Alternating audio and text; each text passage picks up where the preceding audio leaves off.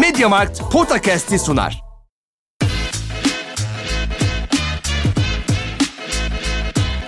Potakast. Kaan Kural ve Orkun Çolakoğlu'yla NBA gündemine haftalık bir bakış.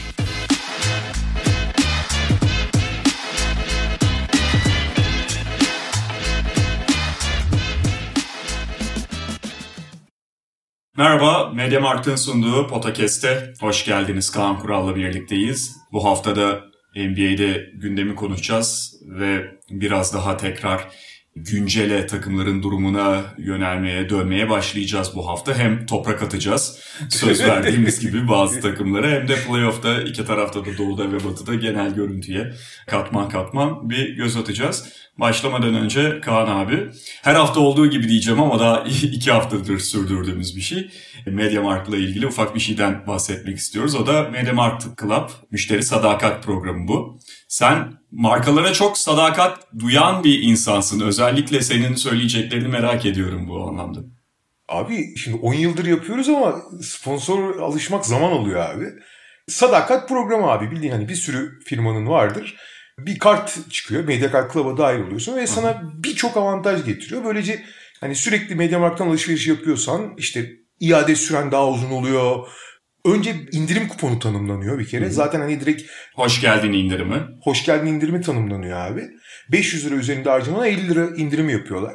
E, iade süren artıyor. Yani hem maddi hem manevi bir sürü şey var. Aldıkça kazan var. Aldıkça klasik puan toplayıp ekstra indirimler de kazanabiliyorsun. Dediğim gibi eğer sürekli aynı yere yönelirsen Mediamarkt'ta istediğin her şeyi buluyorsun. Canavar gibi bir şey abi. Yani sonuçta herkesin belli şeyleri var. Sadakat programları. Benim de var mesela de hava yollarından başka yerden. Harika bir program. Yani Mediamarkt'ta istediğini bulabildiğin için teknolojik anlamda. Buna dahil olmak da çok iyi fikir geldi bana yani. Evet lafı geçmişken Kaan Kural hakikaten kendi markalarına çok sadakat duyan ama başkalarının marka sadakatiyle eleştirmekte şekil iyi o, iyi de fabrika ayarı değil mi? Abi şöyle bir şey var. Sonuçta kişisel olarak kar etmek için yaptığım bir şey. Yani sonuçta Aha. ben bir hava yoluna öyle özel bir ilgi falan duyduğumdan değil ki. Ama o hava yolu bana sürekli mail verip beni bedava uçuruyorsa ekstradan. Ya bu kişisel çıkarla ilgili. Yani sonuçta Media Markt'ın de kişisel olarak sana bir avantaj sağladığı için yapıyorsun. Tabii tabii. Herhangi başka hangi marka olursa olsun yani. Yok tabii o farklı zaten Media Markt'la. Ama abi se- senin nasıl bir fanboy olduğunu biliyoruz. Hiç bana şey atma yani. Şimdi yani, oraya girme. Şimdi oraya girme. Rezil ederim seni. Abi Steve Jobs'ın oğlu o kadar savunmuyor Apple'ı be abi. Yani hakikaten yani. Neyse. Dağıtmayalım daha fazla. Dağıtmayalım abi. Evet. o ciddi bir ihtilaf konusu olabilir çünkü. 40 dakikayı doldurabiliriz Steve Jobs'la senin. O zaman önce toprak atma işine girelim diyorum ben. Öyle yapalım. Geçen haftadan kalmıştı zaten. Şimdi doğuda ve batıda dipteki bazı takımlar tabii bu sene play-in olduğu için kopmalar daha geç yaşanmakta ya da hala mesela orada henüz tam anlamıyla koptu diyemediğimiz takımlar var. Yani mesela başka bir sezonda Sacramento Kings'in artık üstünü örtmeye başlayabilirdik belki bilemiyorum. Her ne kadar Veya 8'inde onlar, kendi, onlar kendilerini geri atabilirdi. Aha. Yarıştan kopma olabilir ve hem hani mücadelenin içinde olmalı hem o mücadeleye devam edecek motivasyon var bazı takımlar için. Aynen onu diyecektim. Ya Sacramento Kings bu arada gerçekten çok tuhaf bir takım. Yani daha önce de bu halinden bahsettik ama her sezon iki tane bu genelde sezonun iki yarısına dağılıyor. E, çok etkileyici galibiyet serileri oluyor ki bu sezon da benzeri oldu. Ama mesela o en son galibiyet serilerinin ardından ki kendilerini bayağı 10. sıraya falan atmışlardı.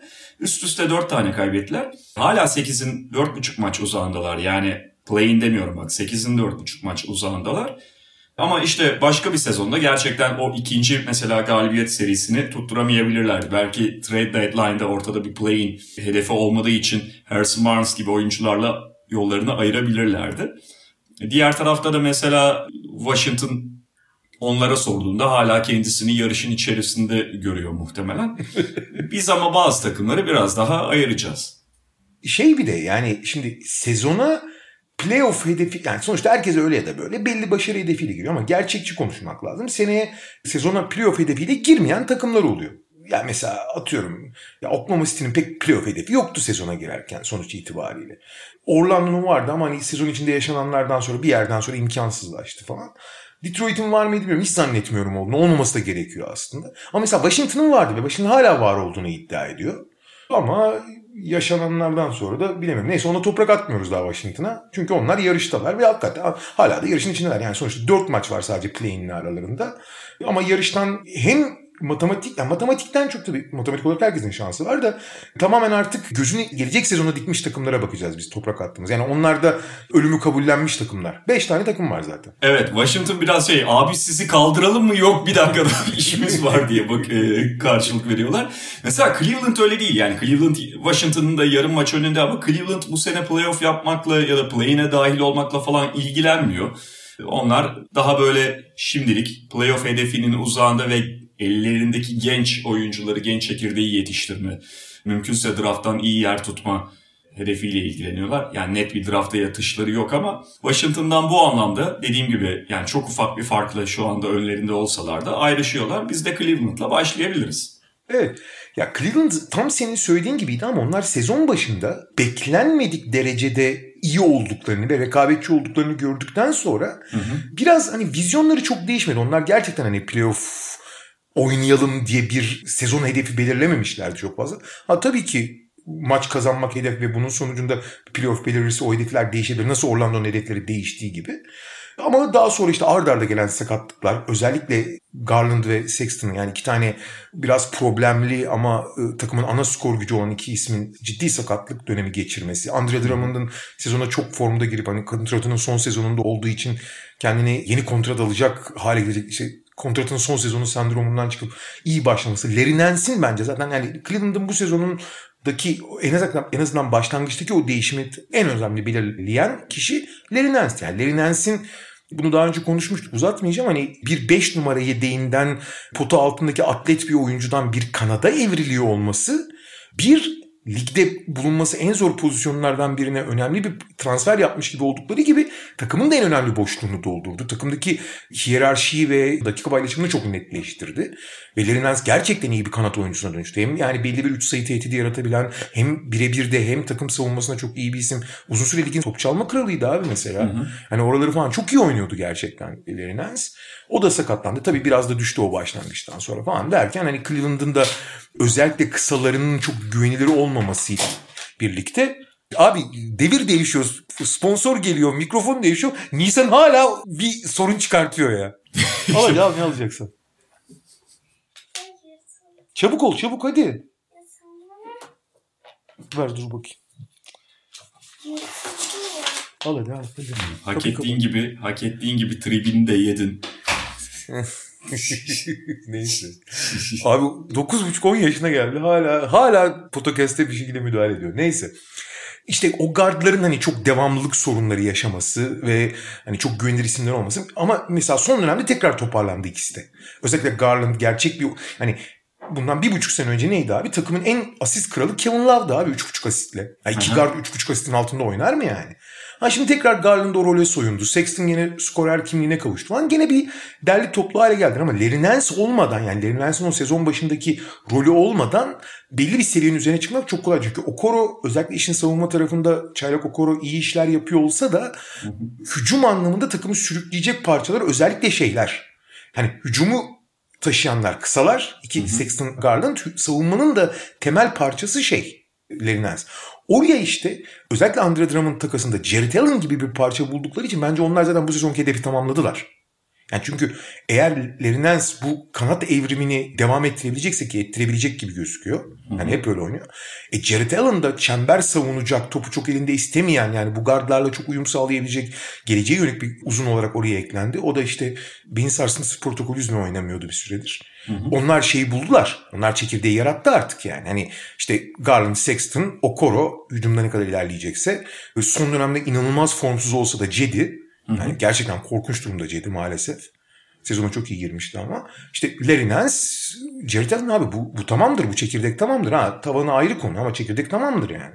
Evet. Ben de hani şunu ekleyeyim. Dediğin gibi çekirdek tamam ama işte yani Cleveland gibi sonuçta playoff'un dışında kalmaya hazırlanan, daha geleceği hedefleyen takımlar biraz o çekirdeğin tavanını haliyle düşündürtüyorlar. Kendileri de düşünüyor. Şimdi burada iki tane problem, ana problem var bence. Jared Allen gerçekten harika oldu. Tam anlamıyla. Yani yaşıyla olsun, potansiyeliyle olsun oyun tarzıyla olsun iki atıcının yanına gelmesi ve kötü savunmacıların yani en azından ön alanda geçirgen savunmacıların yanına gelmesiyle olsun harika bir tamamlayıcı oldu. Ama şöyle iki problem var bence. Bir tanesi kesinlikle benim de çekirdekte gördüğüm Larry Nance'in yaş olarak bunların 6 yıl falan ötesinde olması ve tam anlamıyla onlarla paralel gitmemesi. Larry Nance çok bilinmiyor, göz ardı ediliyor ya da şey belki farklı düşünülüyor. Belki 25-26 gibi düşünülüyor. 28 yaşında Larry Nance.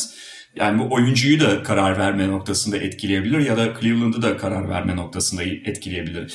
Larry Nance'le ne bileyim 6-7 yıllık bir plan çok kurgulayabilirler mi emin değilim. İkincisi şöyle bir sorun var. Sexton ve Garland hani zaten atıcı karakterleri öne çıkan ve savunma tarafları da problem haline dönüşen oyuncular. Bunda çok kritik noktalardan biri ikisi de ufak bu oyuncuların. Yani hem Sexton ufak hem Garland ufak hem de Isaac Okoro bunlar kadar ufak olmasa da bunların yanında bir savunma dengeleyicisi olarak, savunmacı ve dengeleyici olarak gelen Isaac Okoro da çok fazla pozisyonla eşleşebilecek kadar fizikli bir oyuncu değil.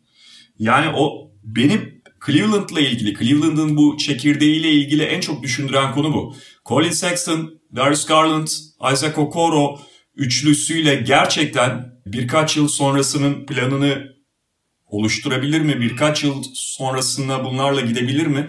Yoksa bunlardan bir tanesine en azından mesela Garland'ı bir bench skorerine mi dönüştürmek durumunda kalacaklar? Garland bunu kabul edecek mi? Yol mu ayırmak durumunda kalacaklar?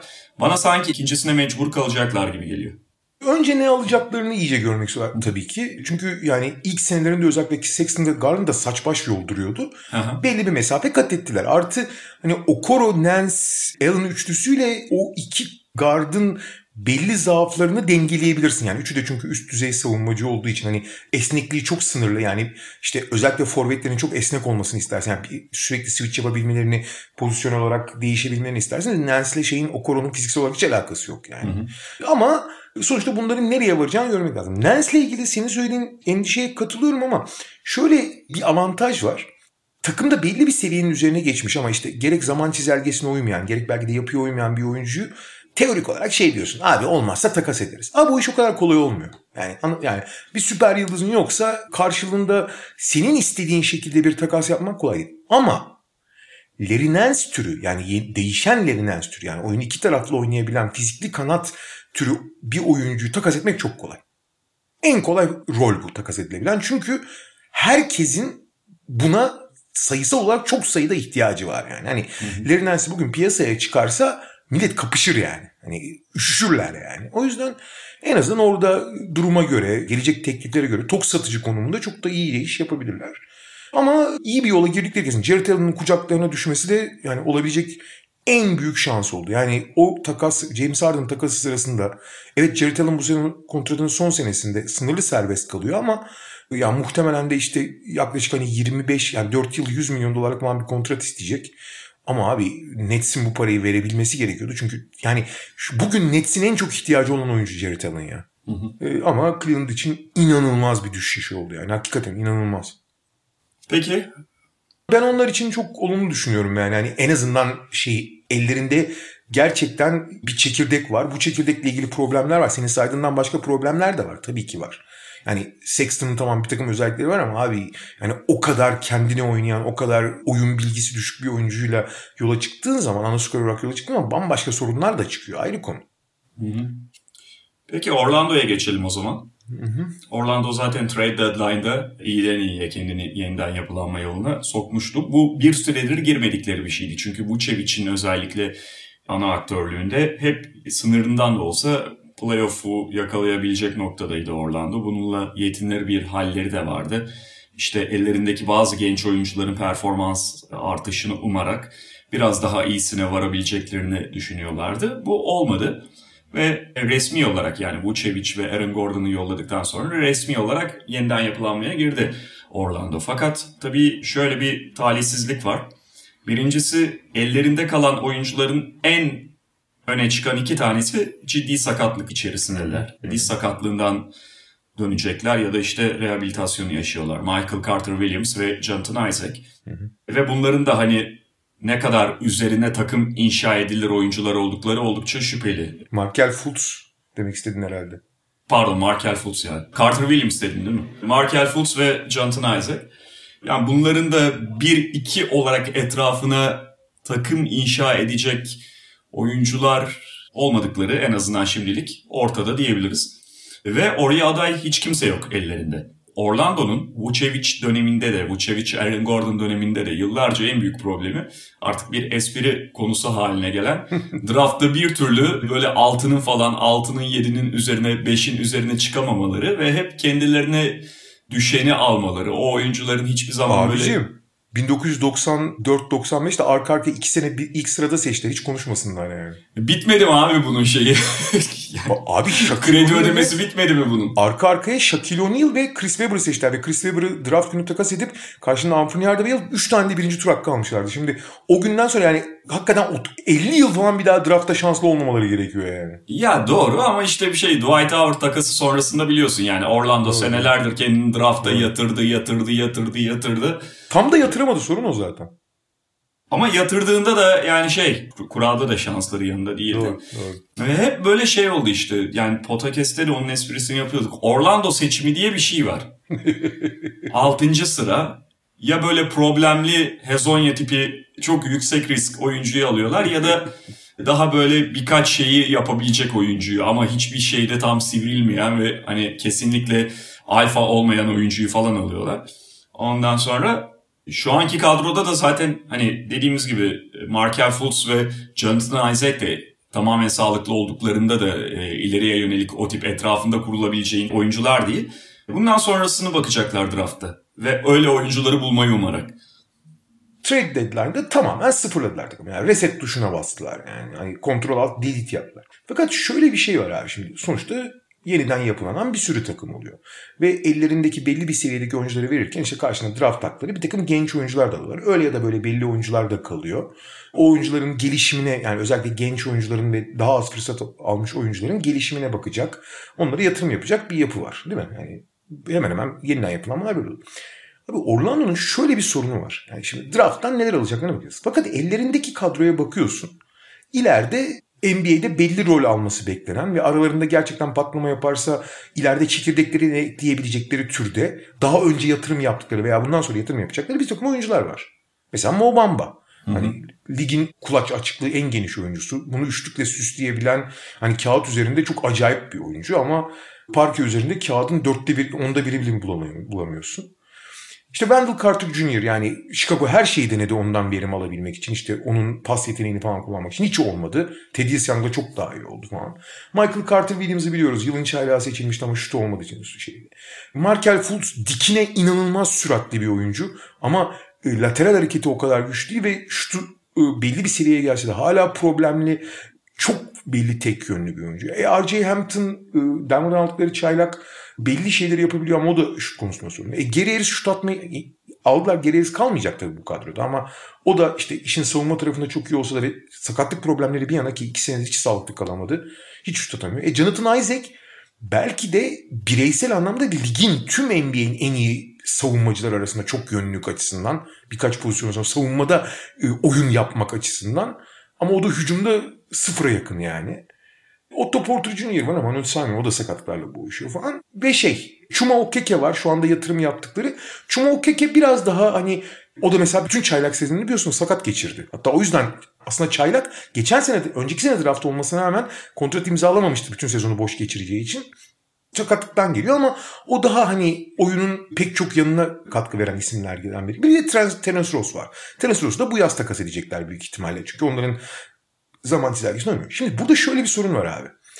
Takas etmediklerini varsaysan bile bütün bu kadroyla işe devam ettiklerini. Abi Okeke ve Ross dışında zaafı olmayan daha doğrusu belli bir zaafıyla öne çıkmayan oyuncu yok. Baştan aşağı defol oyuncularla dolular ya. Abi Evet. şimdi şöyle bir problem var. Şimdi bu oyuncuların doğal olarak bunların çok ciddi potansiyeli olanları da var. Hala Fultz'un potansiyeline inanıyorsun. Jonathan Isaac bırak potansiyeli. Oyunu çok değiştirebilecek bir isim savunmada. E Mo Bamba falan hani sa- saydığımız isim Wendell Carter Jr. bunların hepsinde bu defoları belli oranda kapattıkları zaman önemli oyuncu olabilecek bir şey var. Nüve var. O yüzden zaten çok üst sıralardan seçildiler. Altını dolduramasalar da şeyleri var. Yani hala o işi sonuna kadar zorlamak istiyorsun. Çünkü ne yapacaksın abi? Geleceksin boşu boşuna mı oynayacaksın yani? Fakat Sorun şu ki abi bu kadar defolu oyuncuyla bir arada bir yapı kurmana imkan yok. Bu, de, bu yüzden de hani o oyuncuların defolarını saklayıp oyunun içinde gelişmelerini sağlayabilecek bir ortam yaratmak da çok zor. Abi defolu oyuncuyu geliştirmek için bireysel çalışma dışında yapı içinde onun uygunluğunu şey yaparsın yerleştirirsin. Ya bu şey birbirine uymayan Lego parçalarıyla dolu bir set gibi yani. Çünkü hepsi de sorunlu oyuncular yani. Bu onların bence en büyük problemlerinden biri olacak. Yani bunu bu oyunculara yatırım yapmak tamam da ama bu kadar çok yani daha alt seviye yani daha az şey vaat eden ya da hiçbir yere varmayacak oyuncularla en azından bir yapı kurmak, bir takım kurgusu içinde oynamak defolu oyuncular, defolu ama belli şeyler vaat eden oyuncuları kullanmak için daha verimli. Hı hı. Çok zorlanacaklar abi. Yani işte mesela şu anda düşünüyorum gelecek sene için ilk 5 şöyle bir ilk 5 ile başlayabilirler. Markel Fultz, R.J. Hampton, Jonathan Isaac, işte Chuma Okeke ve işte Wendell Carter Jr. veya Mo Bamba. Abi şimdi burada Chuma Okeke dışında hepsi birbirinden problemli oyuncular. Yani hepsi şunu yapıyor şunu yapamıyor gibi durumda oyuncular. Bunu bir kere bir de, şey yapmaları lazım. Yani bir iki tane araya daha alt profilde tampon yapmaları lazım bence.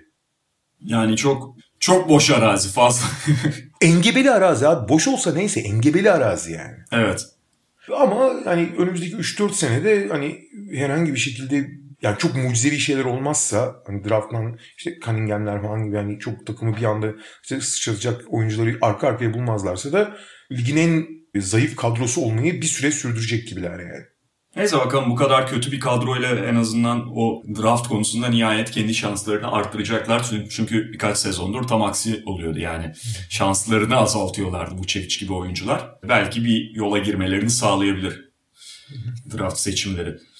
Detroit Pistons çok hareketli bir yaz geçirmişlerdi. Daha doğrusu transfer dönemi geçirmişlerdi ama büyük ölçüde en azından şimdilik bekledikleri gibi olmadı karşılığı.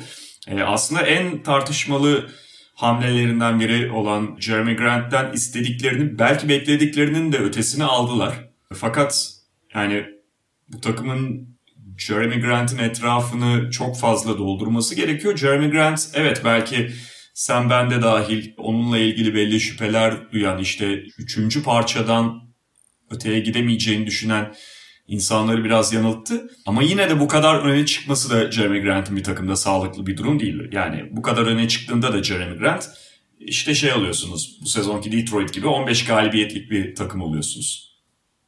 Ya Detroit geçen seneki trade deadline'da aynı şeyin yaptığını yapmıştı aslında Orlando'nun. Sonra niye gidip Mason Plumlee ile Jeremy Grant'a bu yatırım yaptı ben anlamıyorum. Ha, Jeremy Grant'tan evet bizim ve pek çok kişinin beklentilerinin çok üzerinde bir katkı alıp gerçekten önemli bir oyuncu kazanmış olabilir ama bu bile ya bu başarılı hamle bile aslında takımın planlarına çok uymuyor. Senin biraz evvel bahsettiğin işte Larry Nance Jr. için bahsettiğin zaman çizelgesi. Abi takımın tamamı 23 yaş ve altında zaten. Aha. Şey çok acayip abi en son işte bu takas döneminin sonunda bu Diallo ile şey takası yaptıkları zaman Mihailuk takası yaptıkları zaman takımda en uzun süredir Detroit formasını giyen oyuncu kim biliyor musun? Sekou Dumbaya abi. Geçen sene draft ettikleri adam. Geçen sene draft ettikleri oyuncu şu anda en uzun süredir Detroit forması giyen oyuncu. Bu arada Dumbaya'nın da bu sezon nasıl bir düşüş yaşadı? Yani zaten çok ham bir oyuncuydu ama abi ham oyuncu ilerleyecek diye bakıyorsun ki geçen sene bir iki tane böyle pırıltı göstermişti. Abi bu kadar ham olup daha nasıl geriye gidebiliyor çok ilginç oldu yani. Ama şöyle işte dediğim gibi yani tamam Jeremy Grant'ı aldın. Biraz evvel şey için Orlando için söyledim hani birkaç tane sağlam parça ediniyorsun. Ama abi hiç uymuyor takımın zaman çizelgesi. 27 yaşında. Jeremy Grant 27 şey 31 yaşında abi Mason Plumlee. Aha. Ki zaten Mason Plumlee profilinde oyuncu NBA'de artık biraz evvel dedim ya Larry Nance profilindeki oyuncu en değerli oyuncu. Mason Plumlee profilindeki oyuncu da en değerli oyuncu. Yani çok çok örneği var ve çok daha ucuza ikame edebiliyorsun oyuncuyu yani. Aha. Artık o tip uzunların hakikaten hani çok şeyi yok. Isaiah Stewart var abi hiçbir şey. Isaiah Stewart oynuyor. Daha iyi yani. Hani. Şimdi bakıyorsun abi takımın yani son dönemde draft ettiği veya takasla aldığı genç ve yatırım yapmak istediği ya da denemek istediği oyunculara işte Josh Jackson, Saban Lee, Isaiah Stewart, Dennis Smith Jr. tekrar bir şans veriyorlar. Bu seneki draftlarına Killian Hayes, işte Dumbaya, Diallo, Sadik Bey bu seneki drafttan gelen. Abi hepsi 21-22 yaşında adamlar yani ve hepsi çok eksik, çok ham yani. Bunların arasında bir de böyle komple bir oyuncu olarak, olgunlaşmış oyuncu olarak yok ki hepsi çok ham oyuncular. Yani tuhaf bir karardı. dediğim gibi beklenenden daha iyi sonuç verdi en azından bireysel anlamda. Ama ben hala tuhaf olduğunu düşünüyorum. Hala Jeremy Grant ve Mason Plumlee'nin en uygun fırsatta takas edilmesi gerektiğini düşünüyorum şahsen. Hı hı. Ya bazı takımlar gerçekten hani onlar da kısa süre önce yönetim genel menajer değişikliği de olmuştu ama genel menajerin ötesinde gelişen durumlar da olabiliyor takımın vizyonu ve o sene nasıl ne ağırlıkta hamleler yapması gerektiği yönünde. Eğer bize gelebilecek olan belli bir seviyenin profilin üzerinde oyuncu varsa transfer fırsatını tepmeyelim şeklinde hareket edebiliyor Detroit gibi küçük pazar takımları. Bu bence de bir hata. Ama NBA'de bunu çok fazla takımın bu hataya düştüğünü gördük. Pistons da benzer bir durumu yaşıyor. Bence bu kadar kötü olmayı da bekliyorlar mıydı emin değilim. Yani ben sanki o hareketlilikten biz bu sezon play'ini zorlarız, kafayı oradan uzatırız gibi bir beklenti içinde olduklarını da düşünüyorum. Bu hatalı bir beklentiydi belki ya da işte kendi seçimlerine, transferlerine fazla güvendiler. Fakat sanki bana öyle bir beklentiyle sezona girdiler gibi geliyor. Abi geçen sene dra- trade deadline'da takımı reset atmışsın. Neyin beklentisi bu ya? Neyse.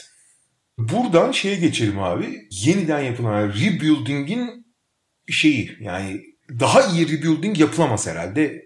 Örneğine geçelim yani. Oklahoma City. Evet yani şöyle bir problem var. Yine fazla maç kazandılar abi. Geçen sezona da başlarken hani ulan bu takım acaba Chris Paul'u takas eder mi, Gallinari'yi takas eder mi diye düşünülüyordu. Sonra bir baktık playoff'a gidiyorlar. Yani bu sene öyle bir şey olmayacak ama yine fazla maç kazanmış oldular. Doğru ve bu draft sıralamalarını etkileyecek. Ama abi bir unutmayalım önceki sene değişen draft lotaryası sayesinde artık o oranlar şey değil. Yani evet, o kadar etkilemiyor. O kadar etkilemiyor. Bir. ikincisi abi sonuçta elindeki çekirdekteki oyunculara belli bir yapı içinde oynatıp belli bir kazanma alışkanlığı geliştirmek, belli bir kültür geliştirmek de kendi oyuncuna yatırım demek. O da bence olumlu. Artı ligde yarattığın etki. Abi şeyi hatırlamıyor musun mesela? Gelmiş hiçbir şey en başarılı yeniden yapılanma hikayelerinden biri.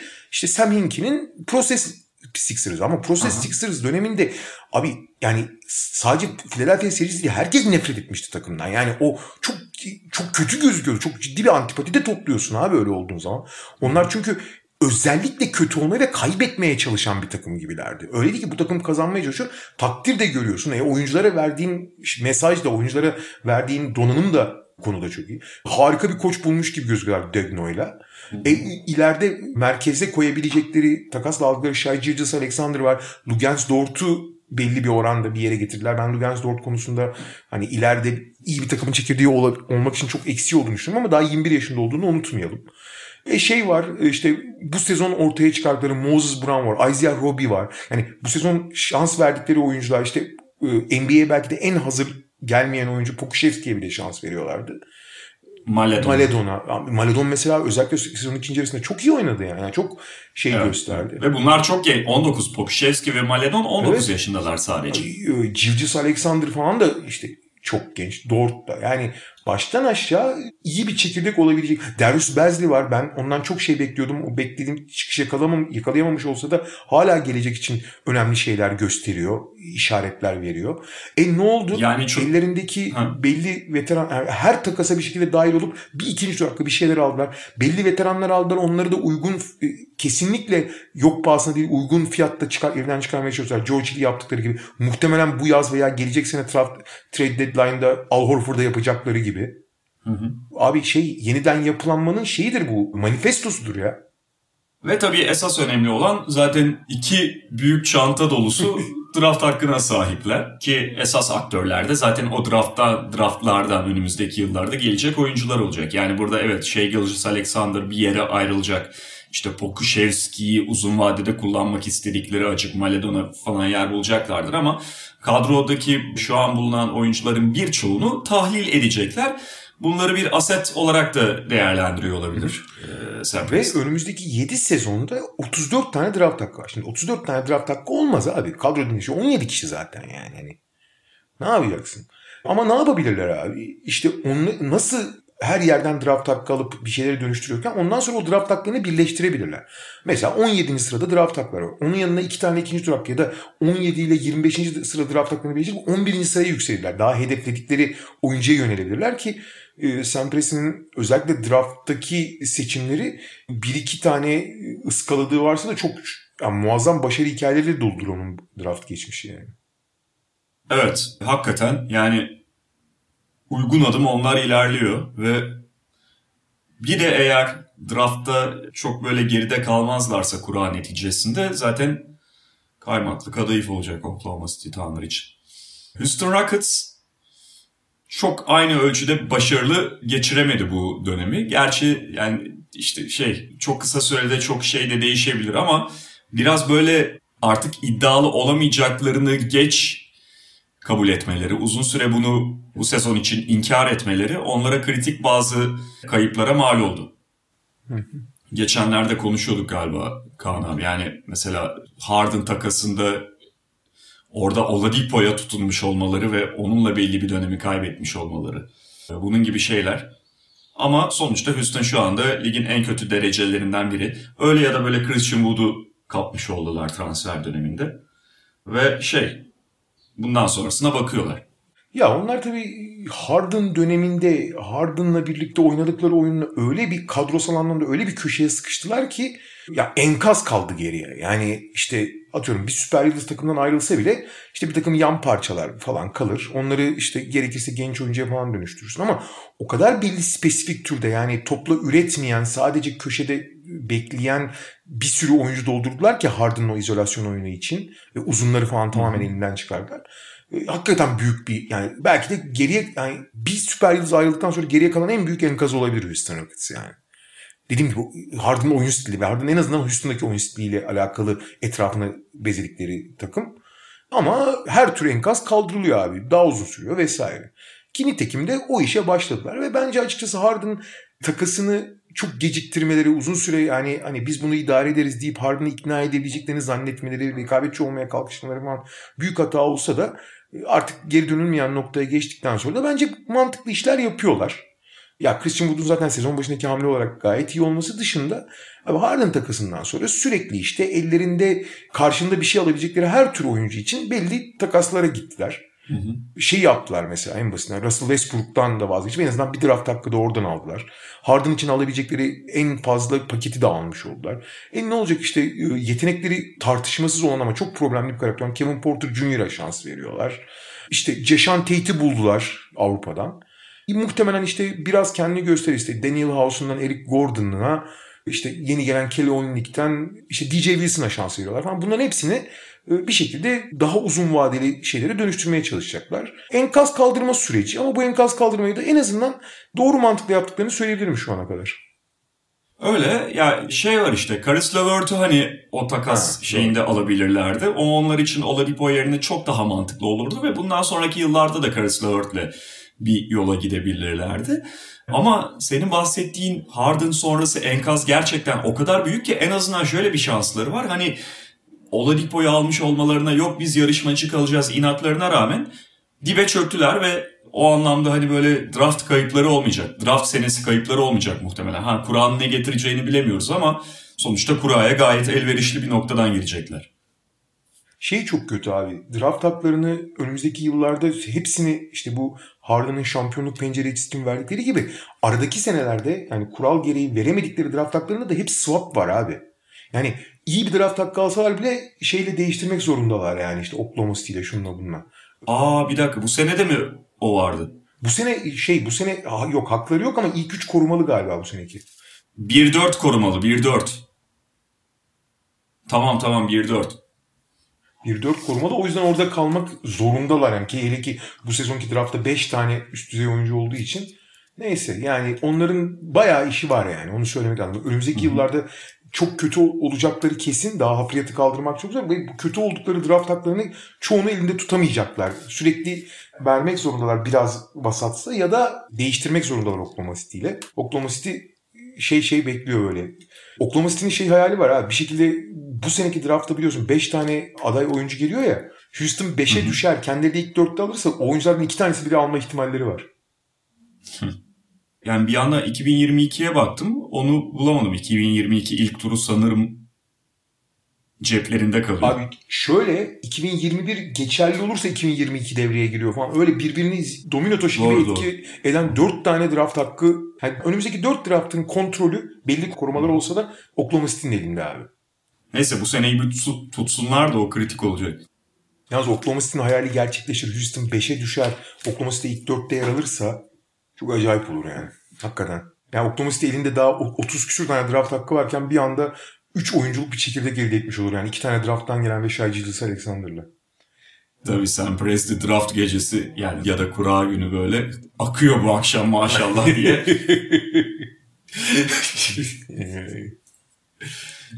Minnesota ile devam edelim. Minnesota'ya geçen sene de toprak atarken işte e, D'Angelo Russell henüz taze gibiydi transferi. Hani onların zaten gelecek sezona, bu sezonu kastederek yönelik, gelecek sezonlara yönelik kadroyu kurmaya çalıştıklarını, D'Angelo Russell'la da istedikleri, kendi istedikleri oyuncuyu aldıklarından bahsediyorduk. Ama bununla birlikte o oluşan takıma dair şüphelerimizi de dillendirmiştik. Nitekim Evet bu sezon yine çok fazla sağlık problemi yaşadılar ve bu kadar kötü gitmelerinde elbette onlar da ciddi faktörü ama sağlıklıyken de bu takım hep beraber sahadayken de o şüphelerin ne kadar geçerli olduğu, ne kadar haklı şüpheler olduğu çok net gözüktü. Yani bu takım çok fazla savunma yapamayan bir takım.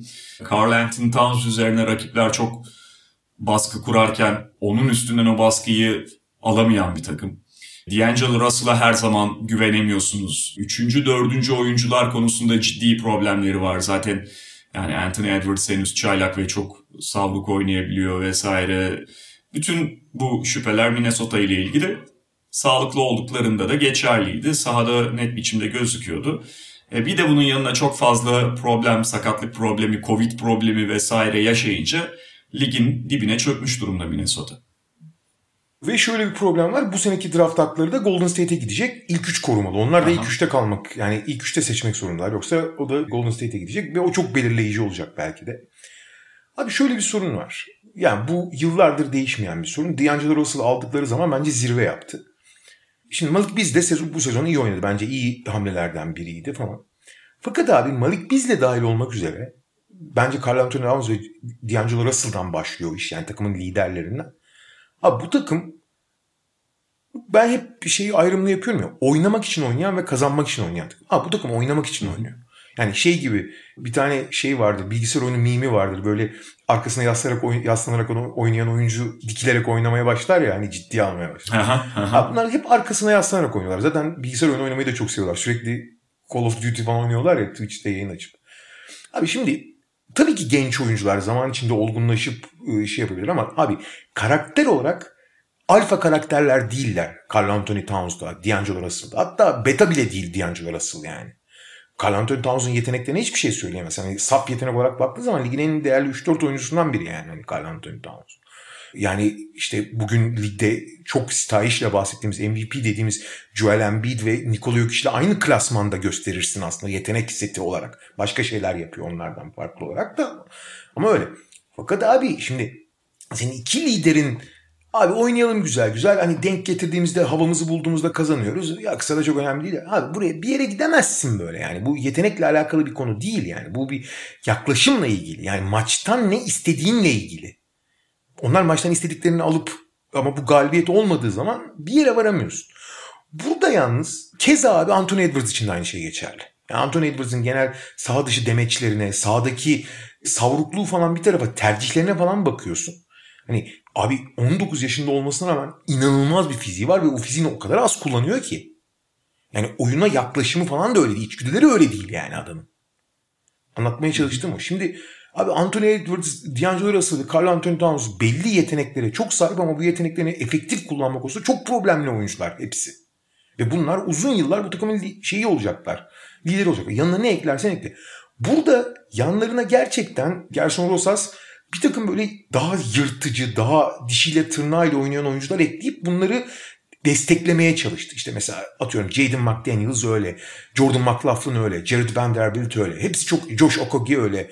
Josh Okogie daha önceki dönemler. İşte Ricky Rubio bence bu sezon çok kötü bir sezon geçiriyor. Gerçekten çok kötü ama muazzam bir lidere dönüştü. Bence bu takıma liderlik edebilmesi adına da ondan çok şey bekliyorlardı. Maalesef performansı kötü olduğu için buna çok oynayamadı ama İspanya milli takımında falan da görüyoruz abi. Rubio çok büyük bir lidere dönüştü yani. Tamam çok teknik sorunları olsa da. Fakat abi bu yetmez yani. yani bu oyuncuları dağıtmak gerekiyor bence. Bir tek şans var abi. Carl Anthony Towns'un yaşadığı trajediler onu karakter olarak çok sarsa ve çok büyük bir talihsizlik olsa da yani basketboldan çok daha önemli bir mesele olsa da onun dünyaya bakışını biraz değiştirmiş ve hayata bakışını biraz daha farklılaştırmış olabilir. Yani mesela sürekli o mutlu ve eğlenmeyi seven Carl Anthony Towns'un biraz daha bir hafif melankolik tavrını görüyoruz. Bu tabii ki yani insani olarak çok çok acıklı bir durum olsa da onun karakterinde bir ciddi bir hani olgunlaşma mı dersin, darbe mi dersin, ne dersen de bir değişim yaratmış gibi gözüküyor. Demeçlerine falan da yansıyan. Ve yeni koç Chris Finch'in özellikle Carl Anthony Towns'u biraz daha bir numara gibi kullanıyor olması. Çünkü biliyorsun Finch'in geçmişinde işte yok içi ilk bir numara olarak kullanan o. o yani onun sistemi. Hı hı. Hani burada sistemsel bir farklılık yaratması da belli bir ışık gösteriyor ama ne olursa olsun yani Towns, D'Angelo Russell ve Edwards'la rekabetçi olmanın imkanı yok. İyi bir takım olursun, iyi basketbol da oynayabilirsin. Eğlenceli de olursun ama rekabetçi.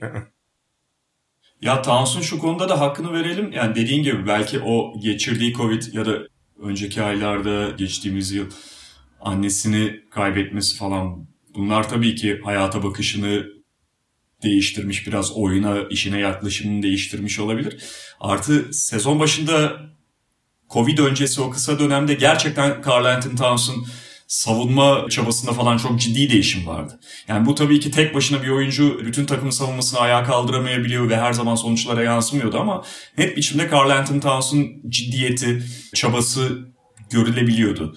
Fakat yani dediğin gibi abi Şimdi D'Angelo Russell falan da detay oyuncular değil ki. Kenardan gelen bir oyuncu olsa ya da işte 3D rolüne sıkışmış bir oyuncu olsa en fazla nedir? Atarsın gider. Deli gibi bir kontrat. Zaten o az önce bahsettiğin draft hakkını vermişsin almak için. Geçen sene havaalanında karşılamışsın bilmem ne. Carl Anthony Towns'un da iyi arkadaşı. Yani Towns mesela Carl Anthony Towns'un iyi arkadaşı olması belki en önemsiz olanı bunların arasında ikna edersin yani bununla olmuyor diye ama zaten yollarını ayırabileceğin bir oyuncu değil şu an itibarıyla. Kontrat yani NBA'deki en negatif kontratlardan biri yani.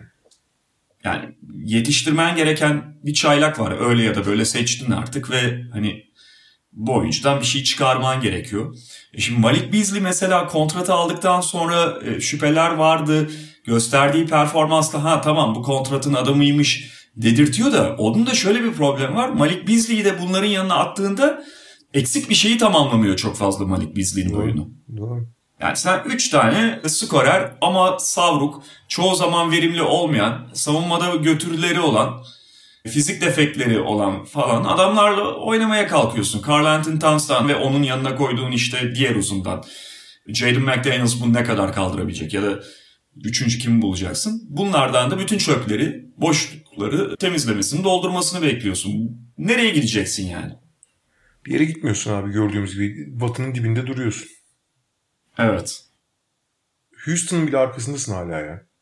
Houston son 30 maçında bir galibiyet almasına rağmen ya. Peki böylece toprak atmış olduk. Tabii bu hizmetimiz sürecek yani ilerleyen dönemde. Levazımatçılığa devam edeceğiz.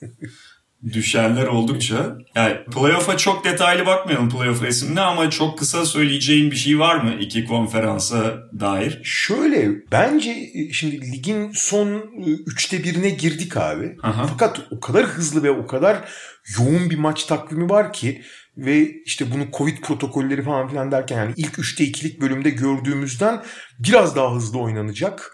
Gene çok kaotik bir ortam olacak orası kesin. Ama sonuçta takımlar da belli oranlarda oturdu vesaire. işte aşı politikası şeyi başladı. E, pek çok takım aşılandı falan filan. Yani biraz daha belki gene çok yoğun olsa da biraz daha derli toplu ne yaptığını bilen bir resim göreceğiz. Ve yarışlar da biraz şekillendi gibi. Doğu'da ilk üç takım çok ayrıldı. Yani Brooklyn, Philadelphia ve Milwaukee. Onlar aralarında bir 2-3 yarış yaparken sonra abi 4 10 arasında yani 4. sıra ev sahibi, playoff'ta ev sahibi avantajından play'inin son takımına kadar olan şeyde inanılmaz bir şey, rekabet var. Abi şu an itibariyle e, işte Atlanta son dönemde inanılmaz bir çıkıştalar. Dördüncü sıralar. Ama abi buraya 11'den geldiler bir ay öncesinden yani. Şu anda işte Chicago trade deadline'dan sonra e, yeni yeni ısınmaya başlıyor. Abi Chicago ile Atlanta arasında yani 4 ile 10 arasında toplam 7 takımı 5 galibiyet ayırıyor zaten. Onu bırak Atlant yani işte Charlotte, Miami, New York ve Boston 5'ten 8'e kadar sıralanıyor. Bir galibiyet var yani, yani her gün 5'ten 8'e 4 takım yer değiştirebilir. Ee, sezon sonuna kadar da göreceğiz yani hani bu takımlardan hangisi daha sağlıklı bir değişim yaşayacak. Doğu'ya dair çok kısa şunu söyleyeyim abi. Sezon başından beri genel yani senin benim değil sadece herkesin Miami ile Boston bir yerde bir gaz verir. İşte bir çıkış yakalar beklentisi var. Ama olmuyor bir türlü. Sıkışıklığın da içinde bulundukları için Miami'de Boston'da bir türlü o ritmi yakalayamadılar ve hala mesela Boston dün yine kaybetti. Tamam Philadelphia ile oynadı da genel böyle bir hali var. Bir türlü %50'nin üzerine çıkıyor. Şöyle oluyor abi. %50'ye geldiğinde tekrar düşüyor falan. O gaza basıyorlar direkt şarampole yuvarlanıyorlar. E, Miami'de de çok benzer bir durum var. Onlar da tam anlamıyla uzun bir galibiyet serisi. Uzun derken 15 maçtan falan bahsetmiyorum ama şöyle bir kendilerine nefes aldıracak düzeyde galibiyet serisi yakalayamadılar. Ama şu da var tabii Doğu'da. Yani bütün bu sıkışıklık içerisinde bir tane takım bence çok keskin düşüş yaşayacak önümüzdeki bir ayda. O da Charlotte. Çünkü Charlotte Kesin. iki oyun kurucusunu da kaybetmiş durumda. Aynen öyle. Şöyle çok atlet, çok eğlenceli, çok yüksek tempodan beslenen bir takımlar ama onlara oyun aklı getiren, onlara yön veren iki oyuncu birden devre dışı kaldı maalesef. Ve tamamen tıkanıyorlar şu anda. Ee, Evet, çünkü Rozier ve şey Graham performansları ne seviyede olursa olsun atıcı oyuncular. Evet. Hele Rozier harika bir sezon geçiriyor ama o takıma tempoyu veren, o takıma asıl güçlendiren karar vericilerin ikisi birden gitti. Yani bu Rozier'le alakalı. Rozier başka bir oyuncu çünkü yani. Rozier atıcı abi. Yani o hiç çok zor onların işi. Onlar çok çok zorlanacaklar yani. Çok katılıyorum ona. Batı'da da bence en renkli hikaye Phoenix'in ikiye tutunup tutunamayacağı. Çünkü o bayağı ciddi bir belirleyici olabilir playoff'ta da. Evet ve Phoenix'in kalan takvimi bayağı zor. hı. Ama batıdaki esas hikaye tabii Lakers'da Davis ve LeBron ne zaman dönecek? Onlar dönene kadar Lakers ne yapacak? Hı hı. Çünkü yani öyle ya da böyle Lakers hala şampiyonun en büyük favorilerinden biri ve onların nerede bitireceği şimdi oradaki yarış da çok yani Utah biraz önde koptu gibi Phoenix de ikinci sırada önemli bir avantaj yıkıldı ama 3'ten 10'a kadar falan gene ay, birbirine çok yakın takımlar aslında ve Los Angeles Lakers yavaş yavaş düşüyor. Nereye kadar düşecek ama? Şu anda 7. yani play-in seviyesindeki Dallas'ta ki Dallas çok iyi geliyor. Muazzam toparlandı onlar. Onlar dengeyi de bulduk. Takım içi dengeyi de bulduk. Uzun uzun konuşuruz ileride. 3 maç kaldı aralarında. Yani Dallas Dallas geçebilir Los Angeles Lakers'ı. Portland sakatları iyileşti. Dallas'ta da keza sakatları iyileşti. Denver Aaron Gordon takasından sonra konuştuk zaten çok daha yüksek profile çıktı. Ama Lakers'ın nerede bitireceği, Lakers'a göre diğer takımların nasıl pozisyon alacağı falan gibi acayip karmaşık bir yarış var. Burada bir tek şeye dikkat çekeceğim ben. Şimdi San Antonio bir bocalama döneminde. 3 mağlubiyet üst üste aldı. Fakat abi San Antonio dün Cleveland'la oynadı ve hani paramparça oldular. Çünkü abi San Antonio All-Star arasından sonra en yoğun takvime sahip takımdı. Onların buna Memphis ve Washington da dahil bu arada. Ama en ağırı San Antonio. İlk yarıda Covid nedeniyle maçları ta- tatil edilen, yani iptal edilen, ertelenen takımlar ikinci yarıda zaten yoğun takvime daha da yoğun oynayacaklar. Abi San Antonio'nun bundan sonra önümüzdeki kaç abi 34 günde 35 günde 22 maçı var biliyor musun? 35 günde 22 maç. Ve bunların 17'si deplasmanda abi. Böyle fikstür mü olur lan?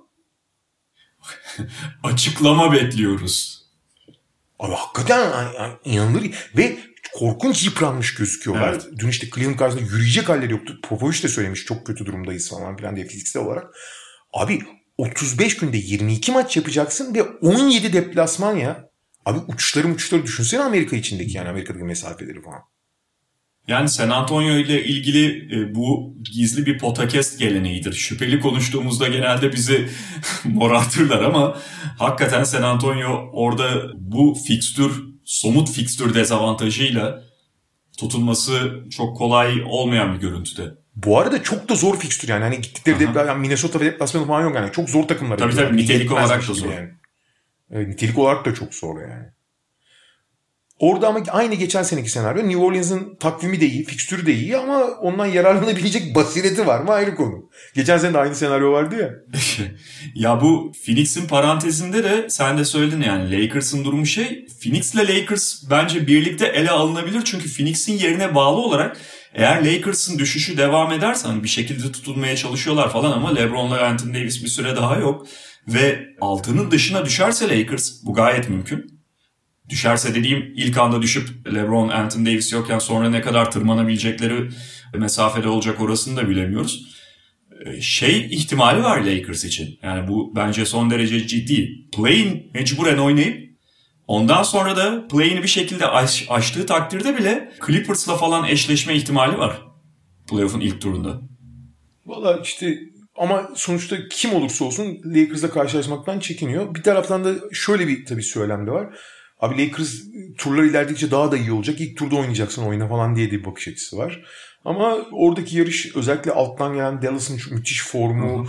ve daha iyi durması, Denver'ın profilinin yükselmesiyle falan herkes işte yani Denver, Dallas nerelerde bitirecek? İşte Portland iyileşti, takas da yaptı falan diye bakıyor. Ama herkesin gözü Lakers yani. Orada asıl belirleyici Lakers yani. Öyle.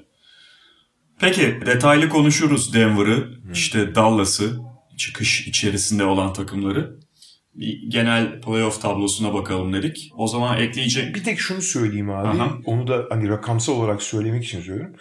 Dallas sezon başında bayağı özellikle eleştiriyordu. Abi 2 Şubat'ta 8-13'lerdi. O günden sonra 20 galibiyet, 8 mağlubiyet ve bu 8 mağlubiyetin 5'inde Doncic oynamadı. Yani Doncic'in oynadığı maçlarda 18-3'ler. Hı hı. Bayağı iyi gidiyorlar. İlk yani. 6'ya net girer ya. Yani zaten hani dayandı da kalır. Girdikten sonra da kalır orada Dallas. O zaman Media Markt'ın sunduğu podcast'ten bugünlük bu kadar diyoruz. Haftaya tekrar görüşmek üzere. Hoşçakalın. Hoşçakalın. Media Markt Podcast'i sundu.